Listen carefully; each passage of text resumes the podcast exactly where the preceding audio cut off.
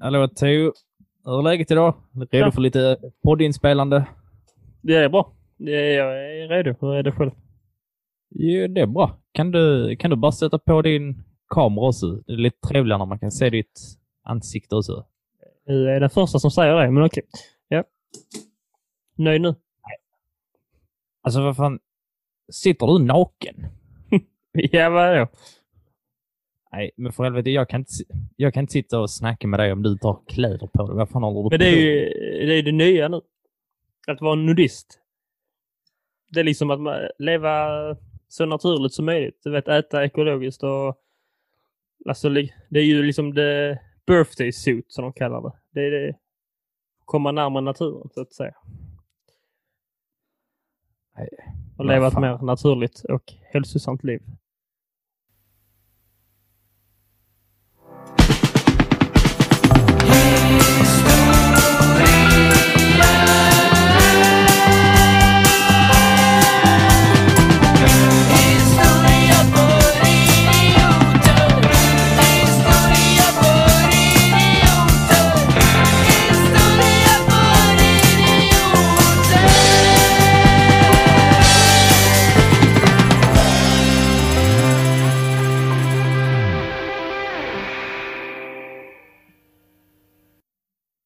Hej allesammans och hjärtligt välkomna till ännu ett fantastiskt avsnitt av Historia för idioter. Podden som pratar om historia på ett lättsamt och roligt sätt. Hej Alexander! Hej Theodor. Du har ju den här podden med mig, Theodor Olsson. Yes, och du har den med mig, Alexander Riedel. Skönt, då har vi, då har vi förstått det. Eh, som ni hörde i avsnittet så, eh, så är det ju dags att prata om liksom se naturligt framåt och då är man ju naken som man är född. Och vill ni se det så får ni bli patrons. så släpper vi våra nudes på Patreon. Vi har Eller ingen ännu- Patreon. Eller ännu bättre, Patreon, så är det enda stället där man kan se oss påklädda. Just det. Behöver inte... Vill ni se oss påklädda så måste ni skaffa, betala en dollar i månaden. Ja. Vi har ingen. Patreon, så sök inte upp oss på Patreon för då kommer ni ge någon annan pengar. Men det kan ni säkert också göra. Det, det Ja, finns där, är folk ju de, som... där finns ju de som förtjänar det mer än oss. Eh, ja. Eh, hur, hur står det till med dig idag, Theo? Du ser, du ser munter ut. Vad Ser ut som du? att du har sovit gott. Du ser munter jag, ut. jag sover ganska bra nu för tiden måste jag säga. Skön eh, säng har jag. Eh, haft lite föreläsningar idag. Det var helt okej. Sitter här där jag sitter nu. I samma program där vi sitter nu. Fast jag använder inte denna mikrofonen då.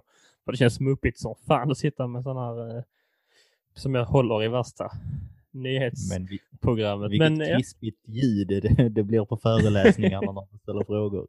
Men jag, eh, alla sitter och väntar. Kan inte Teo ställa en fråga snart? Det låter så bra. Vi har frågor till dig dock. Eh, på, eh, på tal om att ställa en fråga. Vad fan, vad är det som händer med. Woody Allen här? Uh, nu får vi se här. Hur det, han är... Han har väl typ varit gift med sin styvdotter eller något sånt. Det är väl det hela grejen går Ja, men- ut på. Jo, men som jag, först, jag har hört lite om det på radion, men jag fattar ändå inte. Alltså, här, det verkar vara jävligt klyddigt. Han har alltså han var tillsammans med någon som hade en adoptivdotter. Eh, Mm. Och sen blev han tillsammans i smyg typ med dottern där då. Och där är Mm. ju typ så 25 års skillnad mellan dem om jag har förstått det rätt. Ja. Sen har de gift sig och varit gifta i typ 25 år. ja. Eh, och det har ju så det varit länge. Men tydligen så ska han också då utnyttja sin riktiga dotter. Det, Det är det, det som är det nya.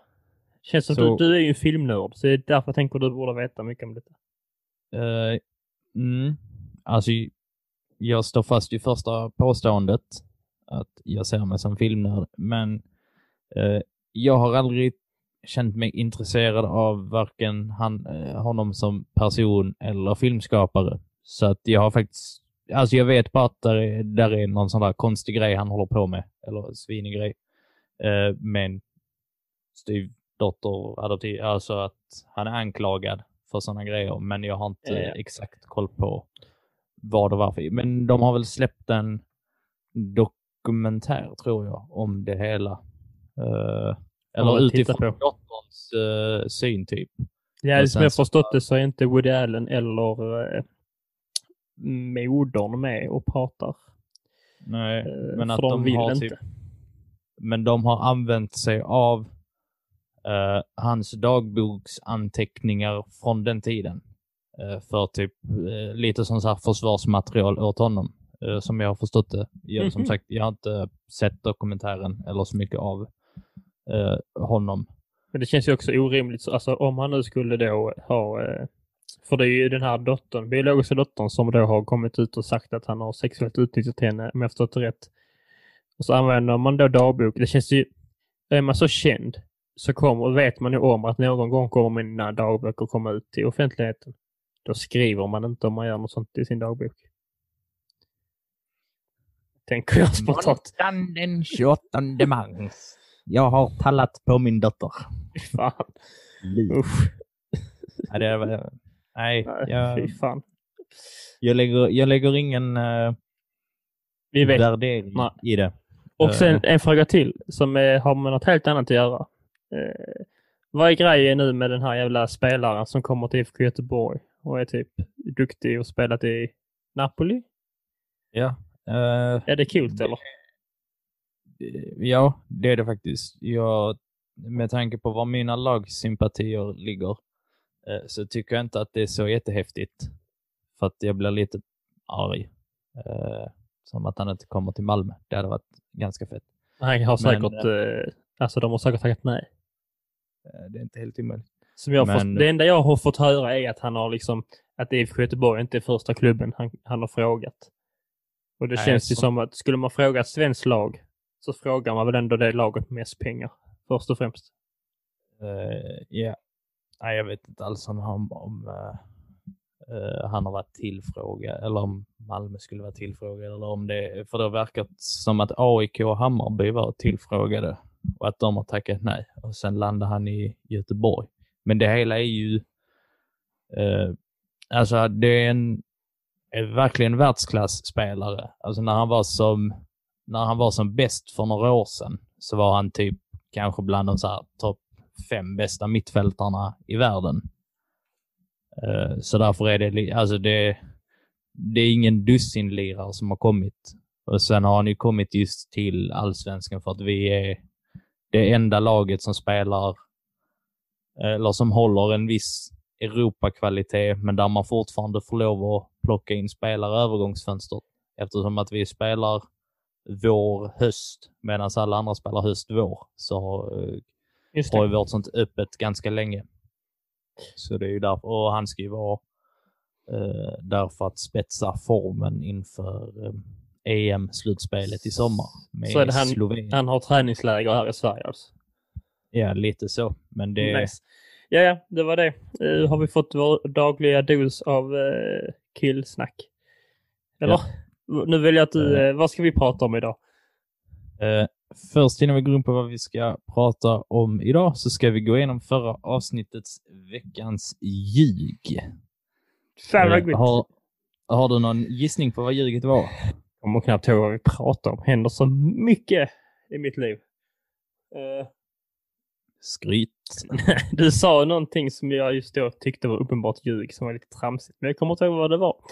Eh, du får gärna berätta. Jag, jag, jag vill minnas att du tyckte att ljuget var att kvinnor inte fick spela blåsinstrument. just att det. de blev, såg så fula ut när de blåste. Men det, det är tydligen sant. Eh, utan ljuget som jag hittade på var då att eh, folk inte, eller jag sa att folk hade på sig specialvantar när de var ute och handlade för att de inte skulle sprida basiller omkring sig. Eh, oj, det, ja, ja, det sa du ju. Ja. Du bara, den bara flög förbi där. Jag tänkte att den skulle göra det eftersom att eh, vi pratade ju lite om att eh, Da Vinci och grabbarna var så himla moderna och att eh, de är, mycket av det de gjorde Mm. kan man koppla till vår tid. Så tänkte man att idag hade det varit... Det är också, Känns det väldigt det är också aktuellt? mycket saker om alla, mycket, eh, många detaljer man tänker som man inte tror skulle funnits på den tiden, så de ändå haft lite koll på. Så, man, så därför tänkte jag det kunde varit rimligt. Mm. Jaha. Kan du, eh, kan du upplysa mig vad vi ska prata om idag då? Ja, vi ska prata lite om upplysningen och eh, jag tror, bara för att brasklappa, som eh, vi har lärt oss i tidigare avsnitt, vad det innebär. Eh, gå tillbaka till Vasa-avsnittet om du har glömt eller inte har lyssnat på det redan, så får du lära dig lite mer om brasklappens historiska jargong. Jag tror att vi sa att vi skulle prata om reformationskrigen idag. Men jag bestämde mig för att det gör vi inte. För att det är så himla, himla deppigt. Och eh, vi kan prata om någonting som är lite roligare. Men vi kommer eh, garanterat prata om reformationskrigen förr eller senare. Så håll ut, du som väntar jätte, jätte, jätte, jättemycket på eh, reformationskrig. Ja, Ja, Lennart, eh. Lennart, du behöver inte mejla längre. Det kommer inte bli nu. Eh, Så istället så kommer vi prata om eh, epoken upplysningen eh, som då varar ungefär mellan 1650 och eh, 1750. Som sagt, ingenting händer ju exakt på årtalet, men det är ungefär där vi kan eh, tänka oss om man vill tänka lite extra på när det här var. Så är det bra årtal att hålla sig kring. Vad tänker du, Theodor Olsson, på när man talar om upplysningen? Jag tänker på att eh, vad heter det ordet nu jag tänker på? Eh, men kyrkan förlorar lite makt, tänker jag på. Jo. Det var mer än ett ord, så det var inte det jag tänkte Ja. på. Eh, Vetenskapen får ju en lite mer betydande roll. Ja, det får Därav att man blir upplyst. Yes. Eh, ja. Eh, Ja, det tänker jag på rent spontant. Sen Det- tänker jag på mycket annat som inte har med ämnet att göra. Men... Nej. Som på den där fina glödlampan du har som lyser upp din skärm så fint där du sitter helt naken. Det ger fina Eh. skuggor. Ja. Ehm, innan vi eh, pratar djupare om det här så vill jag också eh, passa på att säga att eh, upplägget inför eh, den- här epoken är nog lite annorlunda jämfört med våra tidigare epokavsnitt för att det, det händer, eh, upplysningen är ju en speciell eh, tid. Eftersom att det händer, det händer väldigt många olika saker men det är inga egentliga så här, konkreta saker som händer. Som under, under antiken så har man ju liksom så här, grekerna och romarna som startar rike och sen så blir det deras tid som då är influerade av de här och de här sakerna och sen till slut så eh, faller riket eh, och eh, då är den epoken slut. Utan här är det mer en kultur det är en kulturuttryckning som sprider sig runt stora delar av Europa. Framförallt i, i Frankrike får den ett otroligt stort eh, fäste. Man börjar sprida olika tankar och idéer på eh, runt om sig. Utforskar utforskar ganska mycket, skulle jag nog vilja säga att man gör. Eh, bara så att folk är beredda på att det kanske blir eh, lite, lite flytande idag. Lite diskussion Mm. kring, mellan mig och Teo här. Det är, väl, det är väl lite, kan man säga att det sker ju inget konkret som får folk att ändra sig utan det sker ju ganska långsiktigt. Det är ett, ehm, eh, det finns ett ord för det också. Jag kommer aldrig ihåg ord. Skitsamma. Nej. Men det sker ju inom lång, det är en lång förändring som sker i, liksom i människors... Ja. Eh, liksom så, för, in, alltså hur människor tänker. Inte aktivt tänker. Människans utan med, eh, medvetande. ja. Ja. Och var människan finner sig själv. Filosofiskt. Det, det är en väldigt filosofisk tid. Kumulativ Men, eh, utveckling skulle jag leta det efter. Jag hittade ett ord för en gångs skull. Ett otroligt yrke, yrke otroligt begrepp. Du bara skjuter sådär från höften. Du, Eh. du är inte van vid eh, Teo med 15 högskolepoäng. Nej. Ja, 30 Däremot så tänk, jag tänker någonstans att du sitter med post-it-lappar på, så här på väggen och bara någon, någon... Åh, jag kör bingo på väggen här. nya begrepp jag har lärt mig bingo som jag kan använda i podden. Det gör du fantastiskt bra. Tack. Eh, Men eh, egentligen så är upplysningen en fortsättning och kanske lite så här vidareutveckling av renässansens eh, tankar och idéer. Man tar det egentligen ett steg eh, längre. Så utan renässansen så hade upplysningen inte riktigt kunnat komma till. Och en av de eh, viktigaste upptäckterna, eh, vi pratade ju om Copernicus eh, förra gången, om att när han upptäcker att eh, jorden inte står liksom i centrum, eh, så fick man en helt ny eh, bild på vetenskap. Och eh, här verkar det, som jag då har förstått att ungefär när Newton eh, kom på sina så lagar om gravitation eh, så blir det en ny, en ny världsbild och om att, allt, alltså att allting har en, en vetenskaplig förklaring.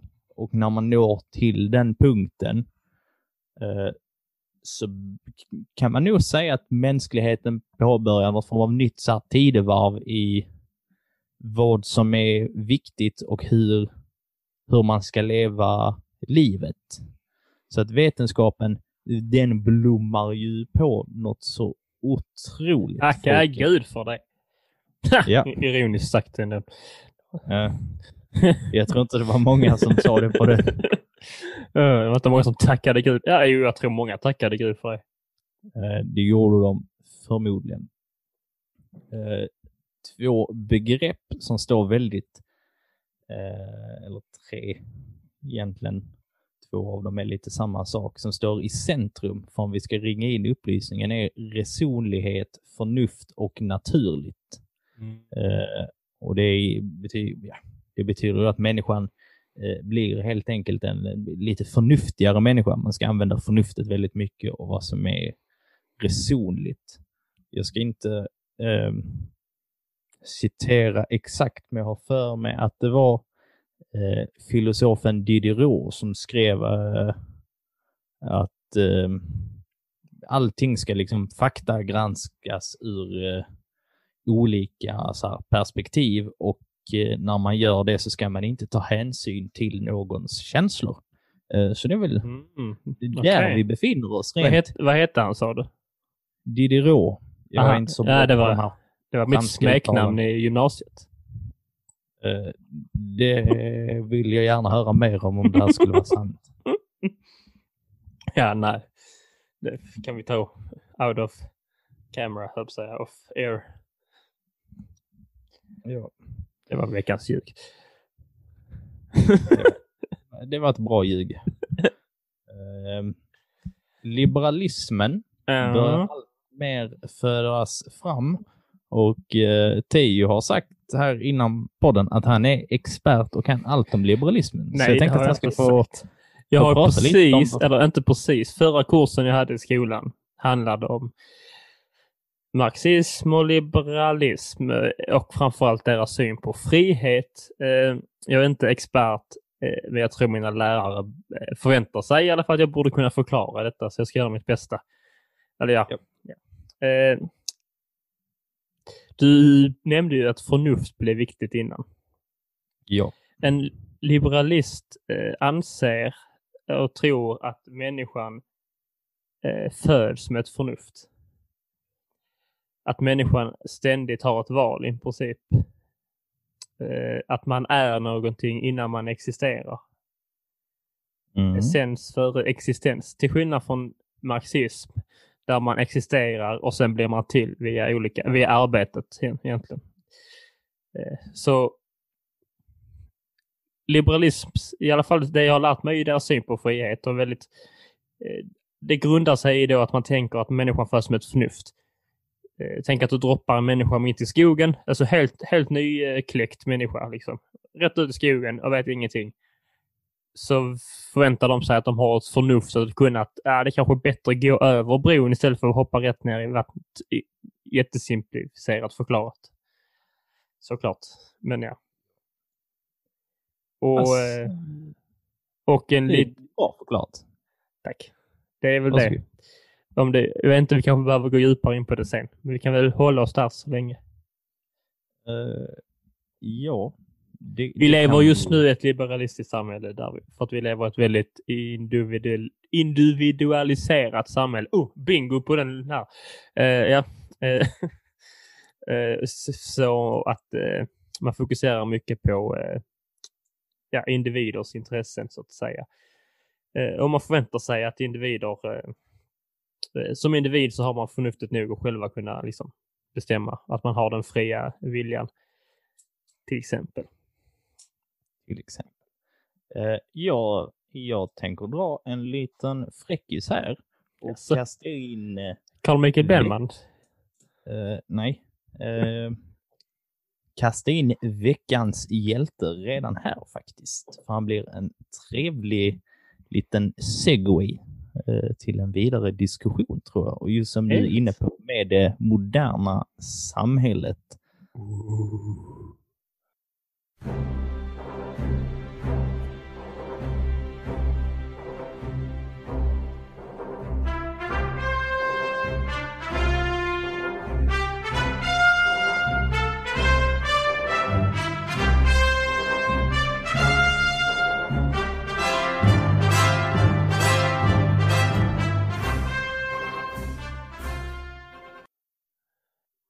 Stadsfilosofen med det otroligt, otroligt krångliga namnet. Hans förnamn är på tok för många och för krångliga för att jag skulle ha orken att skriva upp dem i, i Det lilla här, du har inte skrivit upp dem.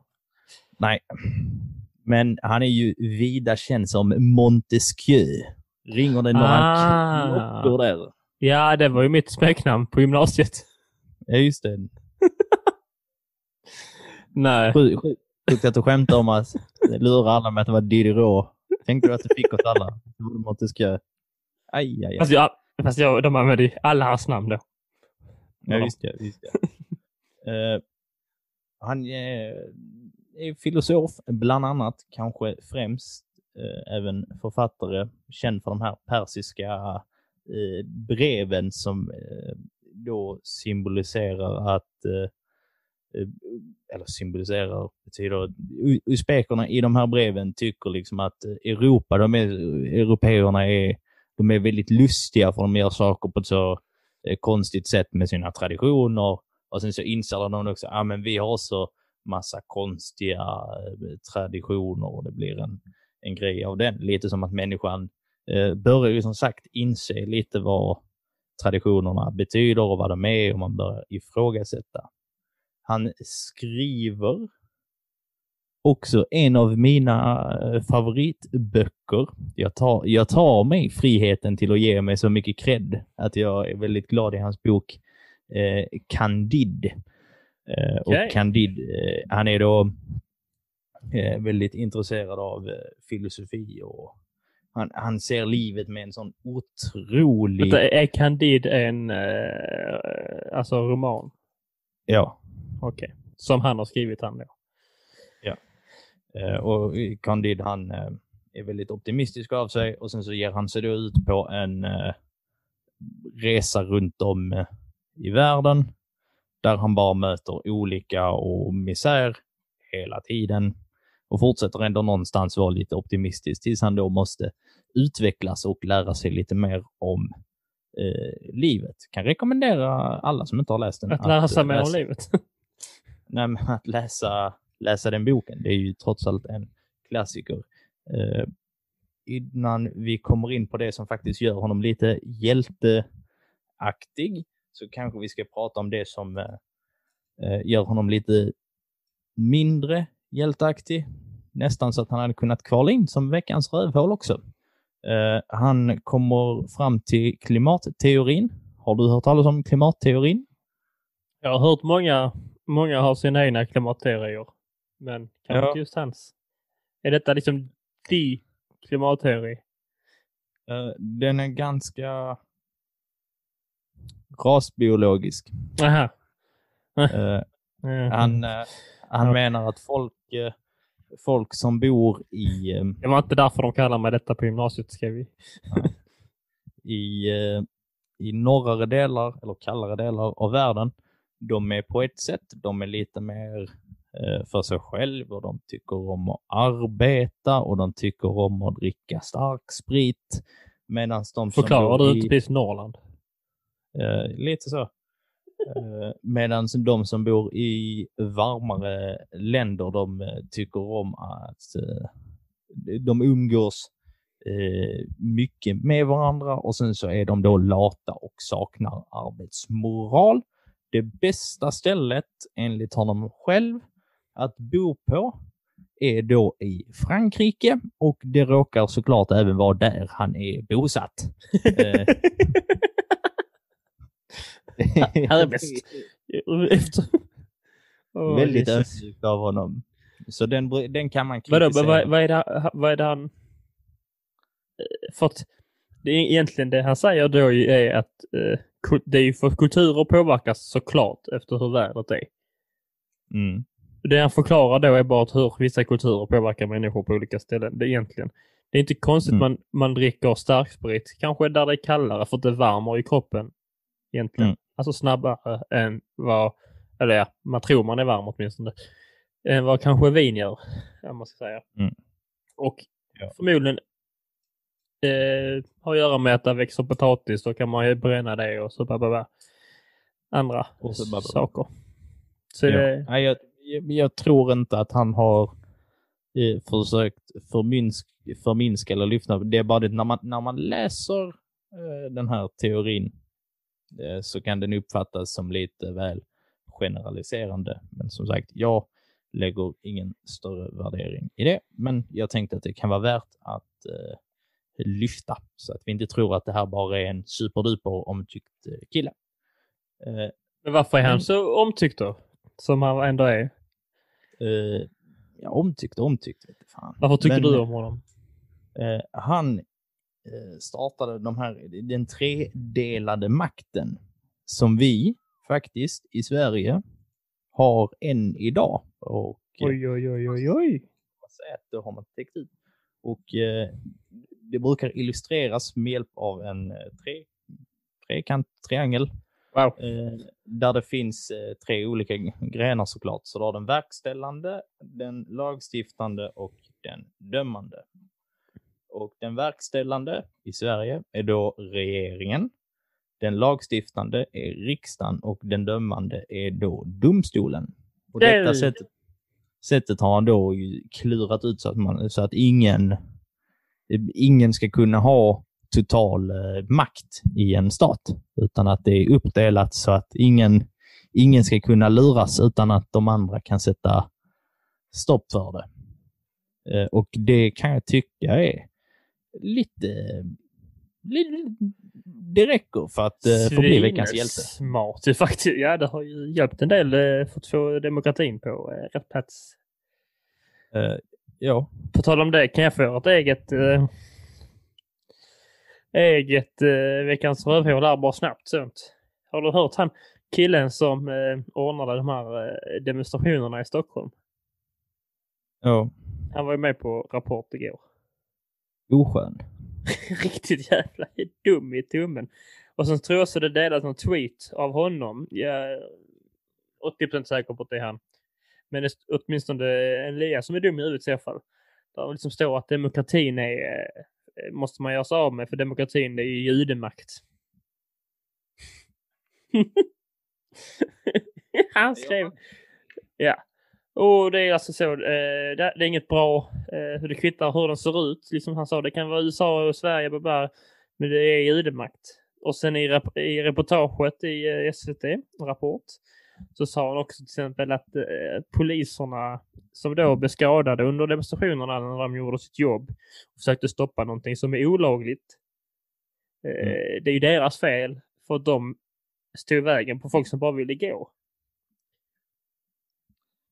Eh, Så han är, i- han är i årets rövhål i mina ögon. Japp. Eh, Jag vill bara, Det jag vill bara säga det. Du jag, kunde inte spara dig till, eh, till nyårsavsnittet. Det är för fan bara nio månader. Det är bara, det är bara nio månader dit det är ju. ja, men okej. Eh, Han, han, är, han är på topp ett här nu. Skriv upp den här på min eh, här. Och så ska vi se om någon kan klå det till dess. Garanterat. um, åter, åter till uh, upplysningen, uh, tänker jag här. Uh, europeerna, uh, folk har ju eh, blivit lite mer världsvana igen. Vi pratade ju om det i avsnitten om antiken, tror jag, forntiden, att folk reste runt och så tog man lite så här, ah, men ni, gill, så, ah, ni har vindruvor och vi gillar vin. Aha! så att man, eh, man kom, det, det där var exakt så det gick till. Eh, ing, ingen ställer några följdfrågor på detta. Ah, Och Det var, så, det var så de lät. Ah! Um, I, I alla fall, eh, det, en- det har ju sen försvunnit eh, den här med människan som far omkring och handlar med främmande kulturer. Och med främmande kulturer, kulturer som är mellan typ Europa och långt Mm. eh, bort i Asien. Där har man inte varit så mycket under senare år, utan det har mest varit när, närliggande. Men nu har man gått tillbaks Eh, till att eh, börja handla med länder som ligger långt, långt bort. Bara det förtydligat. Och eh, tro det eller ej, men eh, européerna lär sig faktiskt av eh, en hel del av eh, de olika kulturerna som man stöter på, eh, vilket jag tycker är ganska intressant. För speciellt under den här tiden och eh, lite kommande århundrade så brukar man mest måla upp eh, européerna som eh, aningen taskmörtar som åker dit och koloniserar. Ja, ja. Eh, Vilket är rätt. Det, det är att vara en taskmört. Men där fanns en tid när de var lite trevliga när de åkte dit och kom tillbaks med kunskap. Eh, Och en av de här eh, viktigare kunskaperna de tar med sig är att ett samhälle nödvändigtvis inte behöver bestå av en typ av hierarki, utan en hierarki Mhm. kan se ut på eh, olika sätt. Eh, och De börjar, Ja, men- de börjar alltså ifrågasätta monarkin då. Eh, precis. Eh, och framförallt då att makt eller talang, vad man nu vill, vill se det som, inte går liksom, det, behöver inte gå i nedstigande led, utan att man bör istället Precis. fokusera på eh, individen och dess kunskaper. Så där eh, man får med sig, samtidigt som man då bör utforska allt mer eh, hemma, eller vad man ska säga, utveckla olika tankar om demokrati. Eh, också värt att nämna, den demokratin som de tänker på under upplysningen är inte riktigt vår demokrati. Det är fortfarande ganska mycket att det är aristokrater som har Mm. rätten till att rösta ifall någon ska rösta. Också värt att nämna. Ehm, Men det är ändå massa idéer och eh, intryck eh, som till slut såklart kommer leda till förändring. Och framförallt den här eh, individualistiska eh, världssynen. Vi kommer så småningom komma, komma in allt mer på Mm. störtande eh, monarkier. Kanske en liten blinkning till nästkommande avsnitt. Jaså? Wink, Yes. wink, nudge, nudge. Ja, ja, ja, ja. Men Trevligt. ja, det får man säga. Men jag, eh, för, jag, fick lite, vi pratade ju om, eh, du nämnde, vad heter det, kolonialisering innan. Vet du vilken som var, alltså typ den första koloniserade, inte vad fan heter det, Kol- låter som pollinerade. Vet vem första som- kolonin. Ja, alltså så Engl Englands första koloni, det var ön, indonesiska ön Run. Eh, och det är tack vare den, eller på grund av den, som att New York heter New York. Detta är intressant, det är en liten side-note, men jag kommer tänka på det. Tydligen, det är så jävla dumt, för det har med muskotnöten att göra. Eh, tydligen så hette New York innan New Amsterdam, för att det var en holländsk eh, koloni. Mm. Den hette New Amsterdam, men Holland var liksom ledande i försäljningen av muskotnötter. Eh, och muskoten växte då eh, alltså som nästan enbart på ön Run i Indonesien. Och då vill de ha den ön då. Så de gjorde en liten deal med engelsmännen och bytte New Amsterdam med ön Run för att där växte muskotnötter. Ser man vad, vad en liten nöt kan ställa till med. Ja, det Ja. får man säga. Då får vi börja kalla New York för the big muskotnöt istället. The Big Nut istället för The Big Apple. Jag brukar det väl kallas. Ja. Ja, se vad man kan. Wow, wow, wow. En, en, bra anekdot du kommer med. Den har suttit inne med länge. Har du en på post-it-lappen också? Ja, jag kör anekdotbingo här bredvid eh, nya begreppbingot. Det är fantastiskt. Men eh, det var bra att du kom in lite på nötter och eh, annat eh, ätbart faktiskt. För att samtidigt som man då eh, lär sig av de här eh, andra eh, kulturerna så inser man ju också att de har, de har andra typer av råvaror som vi inte har. Och det är såklart att nytt är, nytt är ju alltid väldigt spännande. Så där, det är ju där eh, framförallt det som man handlar med. Och detta får en väldigt positiv eh, inverkan eh, på Europas medelklass som typ har Mm. byggt upp egentligen från ingenstans. De bara kom nu, typ då. Eller, What? Kommer Nej, med det- dig? Framförallt för att man har börjat utveckla, alltså man har börjat utveckla lite eh, mackapärer som gör... Eh, eh, gud, vad heter det? Farming. Hur översätter vi det på svenska? Eh, Vad fan heter det? Bunde... Bund... Vad fan är odlande? Ja, odlande. Ja, gud. Odlandet blir liksom mycket, det blir lite enklare så att eh, det föds Just fram det. lite andra typer av yrken. Eh, men bland annat kaffe, te, choklad och eh, tobak kommer fram. Illa Eller pinkat. kommer till, eh, kommer till Europa. Det är ju strålande nyheter. Eh, men eh, oj, människan oj. blir lite eh, hälsosammare, får i sig lite andra, annan typ av näring så att man lever eh, Låter- lite alltså- längre. Man Tobak, lever lite. choklad.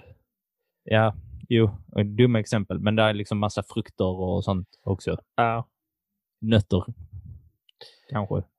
Ja, förmodligen. Och tänker, ja, kakaon i sig kanske inte är jätteonyttigt. Det är snarare Mm. sockret Ja, vi använder. Är ju nyttig, Så att jag tänker, ja, men jag, ja, vi ska inte fastna i det gamla goa kakaospåret.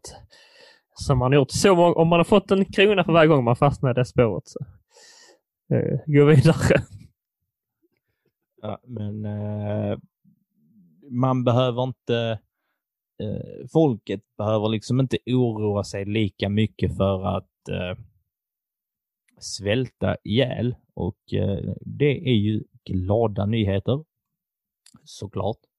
Eh, och då behöver man heller inte- man behöver inte arbeta ihjäl sig för att överleva, utan man kan jobba eh, måttligt och man säga jobba, jobba måttligt. Fortfarande mycket mer än vad vi gör idag, men ändå måttligt och kunna leva bra. Och då får man också lite tid över i, i vardagen. Så att det Och- bildas en större fritid.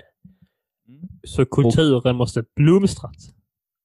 Det är precis det som den gör. Och samtidigt så har läskunnigheten då Eh, ökat hos folket. För innan har det i princip bara varit adels, adeln och adelsbarn och eh, kyrkverksamma som har kunnat läsa. Eh, men nu i och med att eh, folket kan läsa och boktryckarkonsten har ju kommit sedan länge, så det finns mycket fler. Det är mycket enklare att producera och sprida en text. Eh, så blir det ju läsning lite på, på modet. Och de första dagstidningarna dyker upp. Jaså? I Har du- Frankrike? ja, i Frankrike och runt om i, i världen. Har du koll på den första svenska tidskriften? Nej, det kan väl vara som helst. Det är väl förmodligen... Eh, eh, det, nej, jag vet inte Alexander. Jobbig Den- fråga. Den svenska Argus. kom ut mellan åren 1732 och 1734. Det är, det är sån bra eh, Jeopardy. quiz. ja, Jeopardy knowledge. Den svenska Eh. Argus. Ja, ja. Trevligt. Eh, Den leder också eh, bland annat fram till eh, en liten språkrevolution i Sverige eh, med hur man ska stava vissa ord så att den det ses lite som en eh, gränspunkt mellan vad som heter nysvenska och nysvenska. Oh. Spännande. Så, spännande. Hur pratar Eh, man eh, nysvenska? Jag tror att nysvenska lät typ likadant som vad nysvenska gör. Bara det att det har med stavning att göra. Där finns något... Ah. Eh, eh, där finns, jag tror det heter hyperstavning. Och då, då stavar du ordet verkligen som det, det låter. Ja, fan Alltså- vad jag hade gillat det. Eh, Det blir ju dock att jag- problem med dialekter och sånt. eh, ja, men så jag tror att ett exempel som de typ var att han, det var han, eller han, de eh, som skrev den svenska August, eh, som började skriva kyrka som vi skriver kyrka idag. Så att det är därifrån själva stavningen kommer. För innan hade man nog stavat med typ CH, I, Y, R, KK, A. Alltså, jag vet inte exakt hur man stavade innan, men något Ja. sånt. Det är typ så jag stavar det idag. Eh, Så det eh, börjar hända. Eh, Många romaner skrivs. Du pratar ju lite om liberalismen och det här med födas i skogen. Då bör man ju såklart tänka på Rousseaus Emile. Mm, mm. Helt fel för mig så är det han som har skrivit den. Eh, Det handlar ju om en pojke som växer upp ute på, på landet. Rousseau är hans efternamn. Nej. Nej, alltså Rousseau är filosofen och Emile är karaktären i boken. Aha. Tack, jag blev förvirrad. Ja, Ja. det var inte meningen. Eh, så där, det, det är exempel. Jag tror att om, eh, om man tänker på det man minns kanske från sin svenskundervisning på gymnasiet, eh, när, man pratade, när man pratade om så här klassiska eh, romaner, så kan man tänka sig att de var ungefär skrivna nu under upplysningen. Eh, böckerna som innehåller lite mer fantasy-inslag kommer först senare. Typ som eh, Marie Shelleys Frankenstein. Ja, men jag, många romaner är väl lite samhällsanalyser eh, analyser egentligen. Ja, precis. Kan du gissa vad Rousseau heter i förnamn? Det är något av det franskaste du kan höra. Nej, gissa nu. Francis. Han heter Jean-Jacques. Så heter Nej, han. Jean-Jacques heter han nu. Ja. Satan. Det var mitt smeknamn.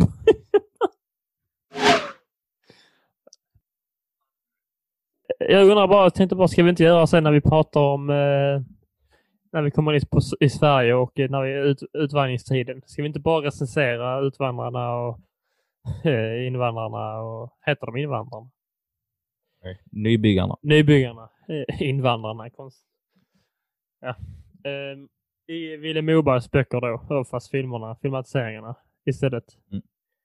Eh, det, nu, när du, nu när du ändå tar upp det lite, lite märkligt så tänkte jag att när, eh, för de har ju påbörjat en ny inspelning, så tänkte Just jag att, in, att inför eh, eh, den premiären så tänker jag att vi gör ett litet, eh, eh, ett, litet, ett stort specialavsnitt eh, med fokus på Sveriges eh, nybyggartid.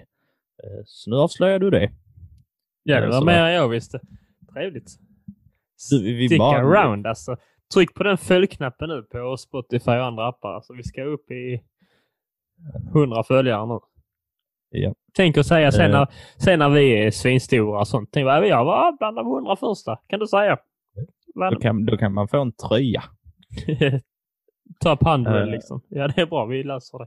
Jag, jag, jag gillar vad sån här Marvel-grej eh, som vi gör. Att vi bara planterar så här. "Ja, om, om 25 avsnitt så kanske det här händer.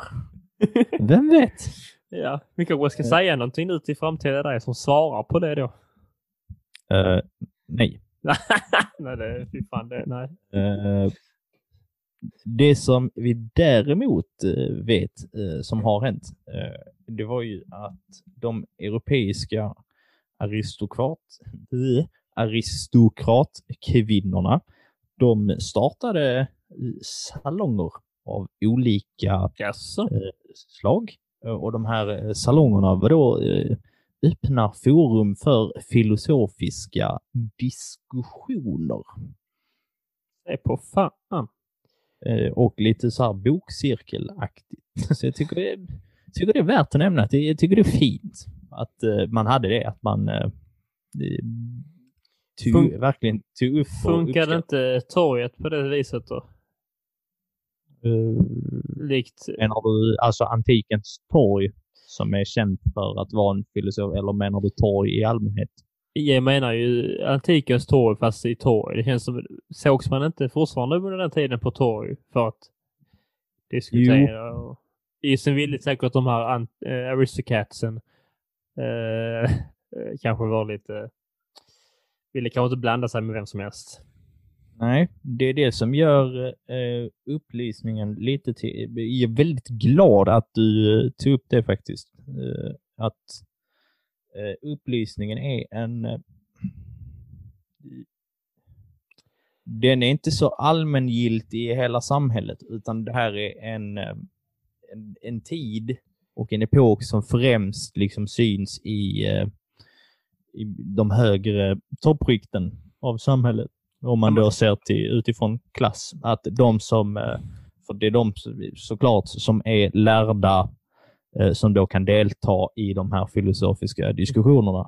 Eh, Så det är väldigt lätt att man får det att låta som att all, rent plötsligt var alla intresserade av att kritisera Gud ifrån, utifrån olika eh, samhällsteorier Mm. och li, liknande. Men sanningen är ju den att eh, det var ju egentligen bara filosoferna eh, Mm, som det är väl det som gör det till en eh, eh, kumulativ förändring i, i, i samhällets syn på saker och ting. Eftersom det måste ju börja med de här filosoferna. Så sprids det någon form av eh, underliggande värdering av att eh, kunskap eh, är viktigare än eh, tro. Till exempel. Det var en filosof som...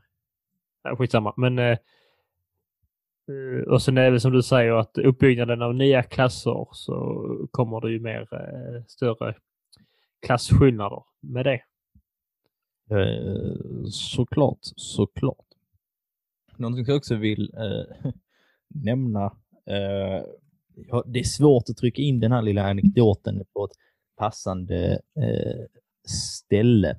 Men jag tycker att det är värt att nämna. År 1755 så sker en stor jordbävning i Lissabon. Eh, Den här jordbävningen beskrivs eh, för övrigt eh, av Candide i boken som vi pratade om för en stund sedan. Lite intressant. Mm. Så där kan man verkligen säga att historien, man kan hitta historiska fragment i litteratur i olika former. Och efterföljande jordbävning får också med sig en tsunami och stora delar av Lissabon blir eh, totalt förstört. Och det var där många som menade på att det här är beviset för att nu när vi har kritiserat religionen så starkt och Gud, se nu, så här, se nu vad ni har gjort. Usch på er. Det som dock är väldigt roligt med händelsen, det är att väldigt, väldigt många kyrkor blir, eller det är inte roligt, men alltså det blir väldigt ironiskt att eh, många kyrkor blir förstörda i eh, efterdyningarna av det här. Mm. Medan väldigt, väldigt många bordeller står kvar i stan. Ja, Eh, Så, det är... eh, Ja. Det känns som att det kanske var Guds sätt att säga håll truten på och låt dem hålla på. Ja. Det är också Eh, liberalist, li- alltså, ganska liberalistiskt eh, tänkande om just att ha bordeller. Mm. Och det förknippar till det förnuftet och den fria viljan. Att man kan göra egna val hur långt man än går, typ. Om man ska vara tänka så. Ja, jag, jag tror att just... Eh, den delen av människan blev nog väldigt, väldigt liberal i den bemärkelsen. Jag har faktiskt inget eh, fakta eller konkret på det, men jag kan tänka mig att det blev så just när man vill vara lite naturlig. Eh, modet, det, modet blev ju också väldigt eh, naturligt och eh, män slutade bära högklackat och sminka sig, bland annat. Värt att nämna. Värt att nämna. Slutar de med det? Mm. Mhm. Okej, ja, ja, ja, ja. okej. Varför det? Eh, nej, för att eh, du, du var inte, alltså om du sminkar dig och går i högklackat så är du ju inte, då är du ju inte du. Alltså så här, då visar du dig inte som Ah, du. just det. Man skulle du. inte sticka ut kanske. Nej, nej, sticka ut kan man ju såklart göra, men du skulle vara, du skulle vara dig. Eller så här, du ska vara som du är. Väldigt eh, fint. Mm. Det, det jag vill komma in lite på det här som eh, kanske öppnar upp en eh, lite spännande tankar hos dig. Nu när vi har gått igenom upplysningen och dess ideal. Eh, lite halvt som halvt. Jag hoppas att det har är tydligt att eh, Ja, hänga med. det, det känns som en bra, eh, vad heter det, sån snabbkurs i upplysningens ideal. Ja. Eh, Eh, Skulle du, eh, nu när du har fått blivit lite snabbskolad, skulle du säga att vi eh, lever lite i eh, en upplysningstid idag? Jo, herregud. Vi... Eh, nej. Jag gjorde ju den liknelsen eh, förra avsnittet med Gutenbergs tryckpress och internetet. Eh, och eh, där, alltså så, det är ju tack vare tryckpressen som en upplysning har kunnat ske så man kan sprida andra tankar om verkligheten och inte bara och störta då egentligen kyrkans makt så att säga. Eh, och då väcka ett liksom, intresse av vetenskap och fakta hos en eh, och få en mer ideologisk syn och värdering av att vetenskap eh, har större vikt än tro. Vi har, så är det ju nu. Vi, vi Mm. har så nu och, det, och vi lever inte i en upplysningstid på samma sätt. Vi upplyser ju inte av saker utan vi lever ju fortfarande till en viss del eh, av tankar om att liksom tron är även vetenskap och tro, tro är två eh, åtskilliga saker och att vetenskapen är det som eh, vi går ut efter. Men har ett eh, kunskapsbaserat samhälle. Precis. Men det som sker med internet då är att eh, jag tror inte att vi är, vi har inte intelligensen att klara av den mängd eh, av information som kan spridas via internet. Eh, jag tror inte vi människor alltså, tills, ja, har intelligensen att eh, eller vi borde egentligen ha det, men att kunna verkligen sortera i vad som är sant eller inte. Det är väl det som är farligt nu, med att det är mycket lättare att, alltså, det här torget vi pratade om innan har ju ersatts av sociala medier. Mm. Man gick, in, gick man ner till torget och skvallrade om men detta här stod där, bla bla. Och då kanske man spred ordet. Kanske om man spred någonting falskt, så, falska som man trodde var riktigt, så spreds det kanske till två personer. Så spred det vidare två personer, så hade det nått tio personer på en månad. Inte samma effekt. Nu kan man ju bilda okunskap ganska så enkelt via internet. Ett bra exempel är på de här som tror på alternativ medicin som han var killen som, ja de som trodde att, eh, de som demonstrerade. Hade aldrig hänt utan internet. Till exempel. Och om upplysningstiden då innebär att vi eh, går mot att vi, alltså vi blir upplysta om vetenskapen. Så är vi, på, så är vi absolut inte där. Vi är på väg därifrån snarare. Vi går, då, då går man ändå mot en syn om att det finns en sanning. Nu, g- nu går vi mot en syn om att eh, Eh, det finns olika sanningar att förhålla sig till beroende på vem man är. Vilket jag starkt sätter mig emot. Men ja. Ja, jag hör vad du säger. Men sen samtidigt när man tänker, eh, nu har vi nog inte pratat så jättemycket om det i, i själva det faktabaserade delen av det här avsnittet. Men människan vill ju eh, börja inse att det finns eh, mer än liksom bara, alltså att livet här kan också vara eh, ett paradis, eller vad man ska kalla det. Mm. Man kan själv förverkliga sig här också. Och det känns väl som att det är ganska modernt. Folk kan ju eh, i mångt och mycket, eh, om man då borträknar eh, att vissa inte kan med privilegier och sånt där som finns i olika delar, i olika kulturer etc. etc. Men att de flesta kan ju bli, bli och göra vad de vill. Eller de har chansen och möjligheten till att kunna bli det. Men då är det du... i- Det är ju för att vi har ett liberal, liberalistiskt synsätt på det. Att vi anser att vi, eller man anser att alla har samma möjligheter för att alla föds med samma förnuft och att man inte är påverkad av yttre faktorer till exempel. Eller hur man ska jämföra det med, ett marxistiskt synsätt att man då föds utan ett förnuft och man blir då till genom arbetet och, och andra relationer och så blir man därmed påverkad och där blir man alltså eh, på så sätt eh, kan man, på så sätt kan man liksom bli inom situationstecken fångad och inte fri. Mm. Så det beror hur du ser det. Vi kan se det som att alla har samma möjligheter nu eh, egentligen. Alltså så. Man kan tänka sig alla har samma möjligheter att bli vad de vill. Vilket, men nej. Det- Eller ja, det beror på hur man vill se det. Eh, ja, och sen tänker jag väl lite eh, synen på eh, eller så här, kulturyttringarna. Eh, känns det som att det ligger väl också ganska nära i, i tiden. Kanske inte just att det, spontant känns det ju inte som att de flesta nu för tiden eh, plöjer massa böcker. Men det finns ju som sagt andra kulturyttringar. Eh, Det känns som att det, det är en, en central punkt i, i mångas eh, liv ändå. Att, man, att ta del av... Populärkultur. Ja, precis. Det är sant. Många... Så jag tänker- mm. Därför tänker jag att det finns, där finns många eh, likheter mellan eh, upplysningen och vårt samhälle idag. Känns lite, känns lite som att, eh, med, om vi då bortser från vad som komma skall utifrån så här, efter 1750, att den här bilden av samhället som de har och som de talar om, det känns som att det, lig- det ligger väldigt nära det samhället som vi har, i alla fall i, i västvärlden idag.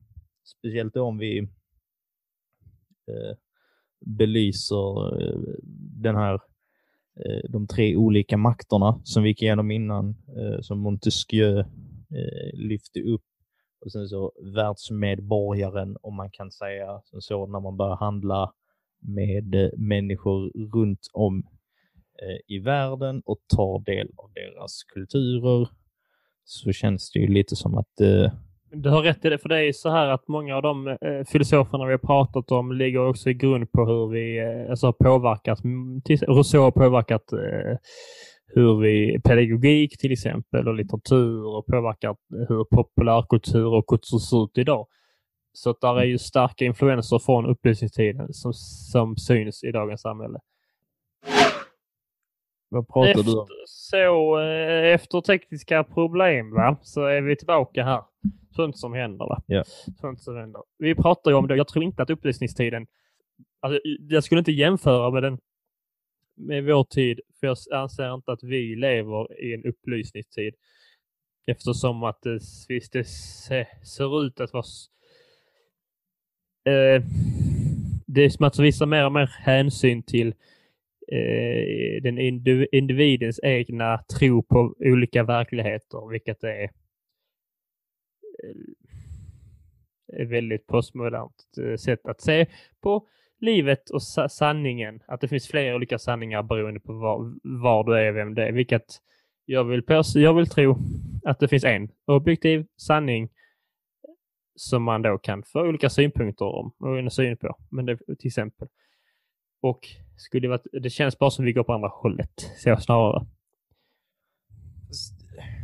Ja, jag, jag hör eh, vad du säger, men samtidigt, det är ju inte bara, det är inte bara upplysning i form av ren och skär faktakunskap. Eh, alltså gravitationen funkar, nu, nu vet jag inte hur en, den typen Mm. av vetenskaplig diskussion går till och jag är faktiskt inte tillräckligt eh, insatt. Det finns säkert andra typer av Men till med- Alltså, till mån om att vi fortfarande förlitar oss på vetenskapen och vi använder den för att komma längre fram och fortsätta upplysa oss, Mm. så är vi en upplysningstid.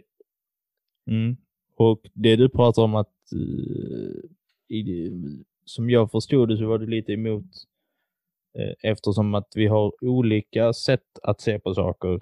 Men det hade ju de också. Alltså där var ju fortfarande olika diskussioner kring hur, hur ett samhälle ska se ut och hur det ska styras. Jo, det är klart, men det är inte riktigt så det är inte riktigt så det är. Upplysningstiden är väl ändå det som eh, ändå när, alltså för, ligger i grund till eh, den, alltså den moderna historien. Mm. Alltså 18, 17, 18, 1900-tal.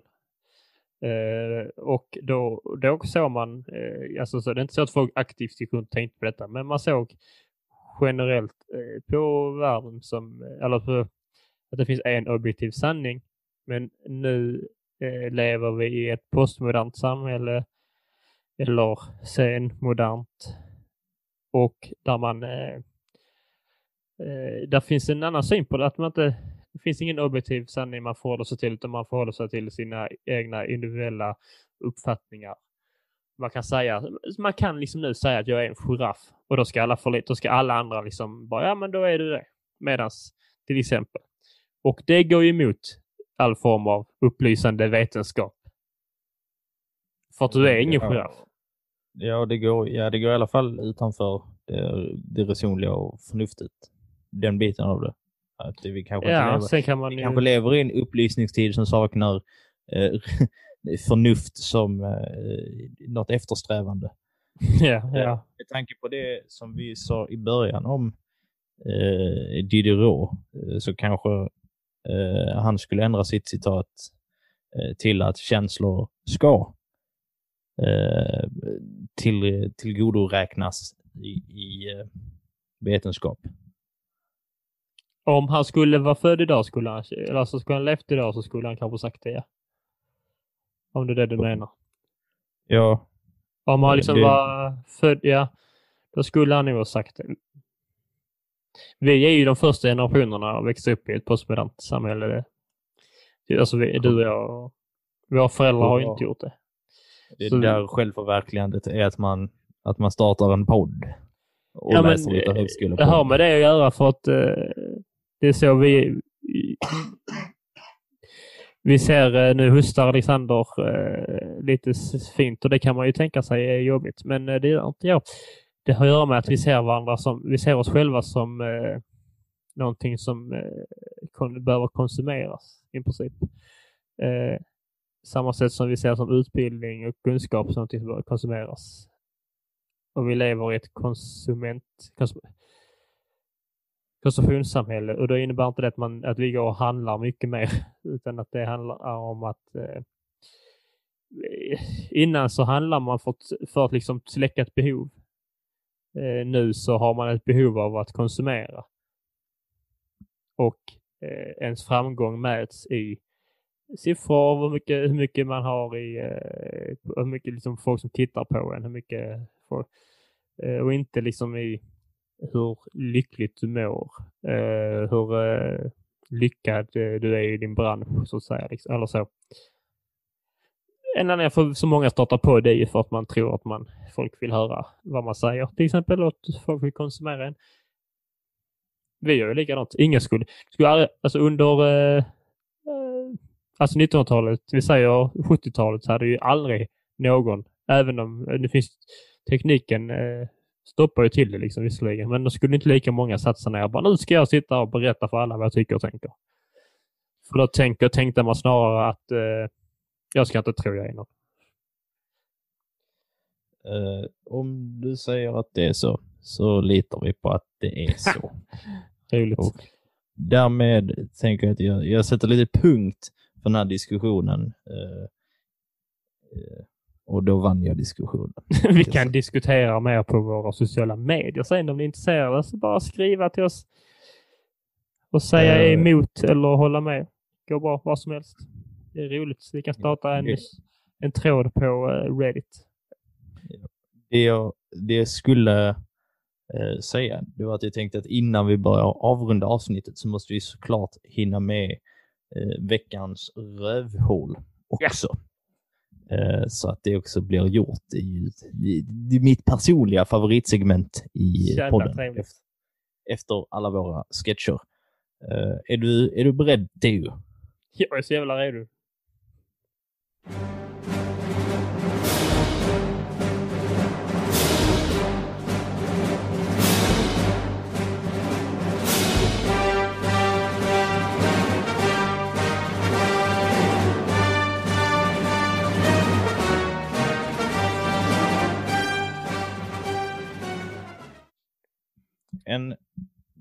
Vad jag förmodar, okänd person för många med ett otroligt namn som jag garanterat uttalar fel eftersom jag som sagt inte är så eh, lärd i franska. Men jag tänker ändå säga det fel för att jag gillar att säga Jean Kalas. Jag tycker det, är, det låter lite som en Oh, jävlar.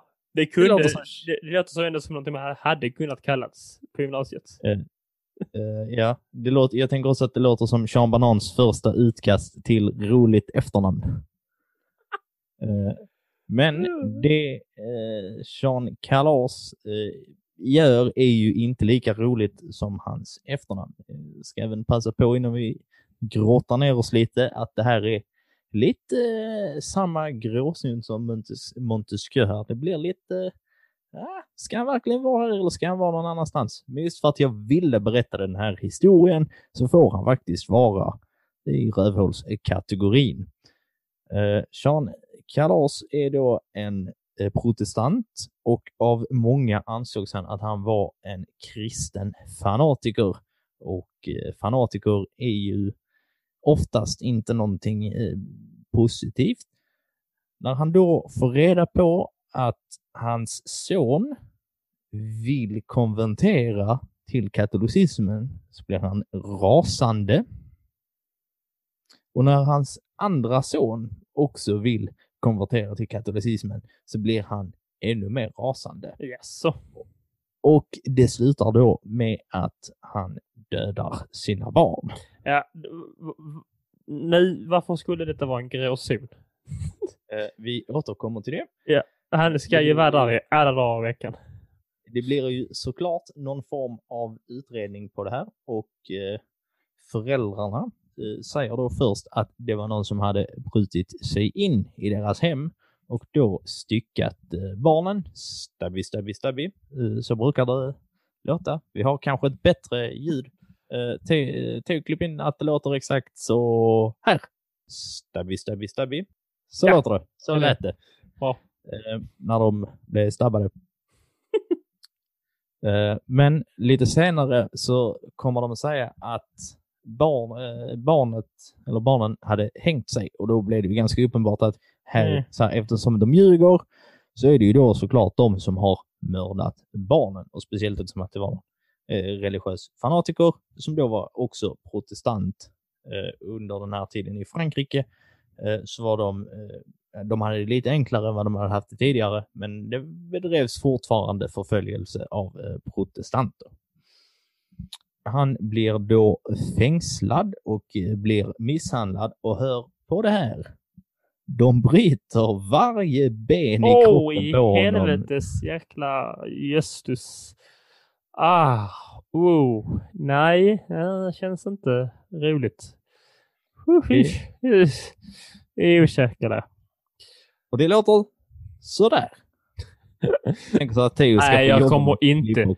Kommer inte klippa in när folk... Alltså, det är det värsta jag vet. Ah. Ja, det är Eh, bra. Den här historien sprider sig, som sagt, i ett kunskapssamhälle i mångt och mycket när information sprider sig. Voltaire är först inblandad och eh, ja, den Voltaire, filosofen, Eh, och eh, säger bu kalas, usch på dig, usch på dig. Men sen ändrar, ändrar han sig, Så lät, så lät börjar- alla mina kompisar när de gick hem på mina barnkalas. usch på dig. Bu kalas. Bu. I alla fall, Voltaire börjar senare jobba och dra i sina trådar eh, för att då få eh, Kalas frisläppt. För han menar på att han är eh, oskyldig till de här morden. Och till slut så får han också eh, rätt och han blir frisläppt och får en liten, liten handpenning eh, som ursäkt för, eh, för att han blev inlåst eller frihetsberövad från staten, Visst. men dock ingen ursäkt. Eh, det står dock oklart om han faktiskt, alltså så här, eh, om han var skyldig eller inte skyldig. Det kan man själv få tänka ut om man vill. Ah, Okej, så att han- bör kanske vara här. Eller inte. Ja. Han har kanske gjort det. Något intressant. Vi har en Precis. omröstning på Instagram sen. Ja, Är, det, är eh, Sean Kalas oskyldig? Ja eller nej? det är precis det jag tänker. Men Åh, det Jesus. var väl det vi hade för dagens kanske lite annorlunda avsnitt. Det blev ett lite filosofiskt avsnitt. Ja, det, like vi som sagt, vi... eh, Jag vet, nu vet jag inte hur många avsnitt vi har gjort, men vi, vi testar på lite nya, 17, tror eh, olika upplägg. Testar lite grejer. Ja, vi se. det, vi håller ju vår, vi har ju vår lilla ram tror jag ändå. Men, eh, Ja, vi har en ram, men ibland testar vi lite nytt. Ja, det är Så ni får, spännande. gärna, ni får gärna skriva till oss om ni tyckte att det var roligt, lite spännande, eller om ni hatade. Eh, Så Ja, men skriv om ni lärde någonting nytt eh, och så vad, det var och eh, annars, eh, alltså, annars kan ni bara skriva. Ja, Jag visste detta redan, hallå, men eh, det var ändå kul. Eller, eh, eller annan kritik. Eh, Och glöm inte att eh, ge oss sådana där stjärnor på de olika apparnas rate oss så det kallas. Så det kan ge oss hur, många ni vill. En, två, tre, fyra och eller fem. Det, vad ni tycker passar bäst. Det hade vi blivit glada för. Ja. Vad ska de mer Alex? Eh, Man ska också gå in och följa oss på Instagram där vi heter historiaforidioter. Det är där vi är som mest aktiva. Lägger, då får ni eh, direkt en det kommer där ett inlägg om, vad, om att det är ett nytt avsnitt och vad avsnittet handlar om. Och sen Lite- lägga Lite bilder relaterade till avsnittet också. ja, och lite annat flams och trams. Eh, sen har vi också TikTok. Eh, ja, släpp det nu. Eh, där, man, eh, där man kan följa oss, där vi funderar. Vi lägger upp lite små sketcher ibland eller eh, lite information om avsnittet. Så att säga. Försöker fortfarande lära mig hur det möget fungerar. Jag är lite boomer där, vet du. Känner mig som en gammal gubbe. Ja, så att så är det. Det var väl allt det vi hade för den här veckans avsnitt. Vi hoppas att ni har haft eh, roligt och att ni har lärt er en massa. Och sen hoppas vi också att ni kommer ihåg att all historia är värd att prata om och göras lite narr av. Tack för att ni har eh, lyssnat. Ha det gött! Och nu ska Tio spela en riktig banger som ni kan ta med Oh, ja, er det ska, ut. en riktig banger från eh, Skapade i min hemstad Furulund. Oj. Boom! Kör vi på det. Ha det gött!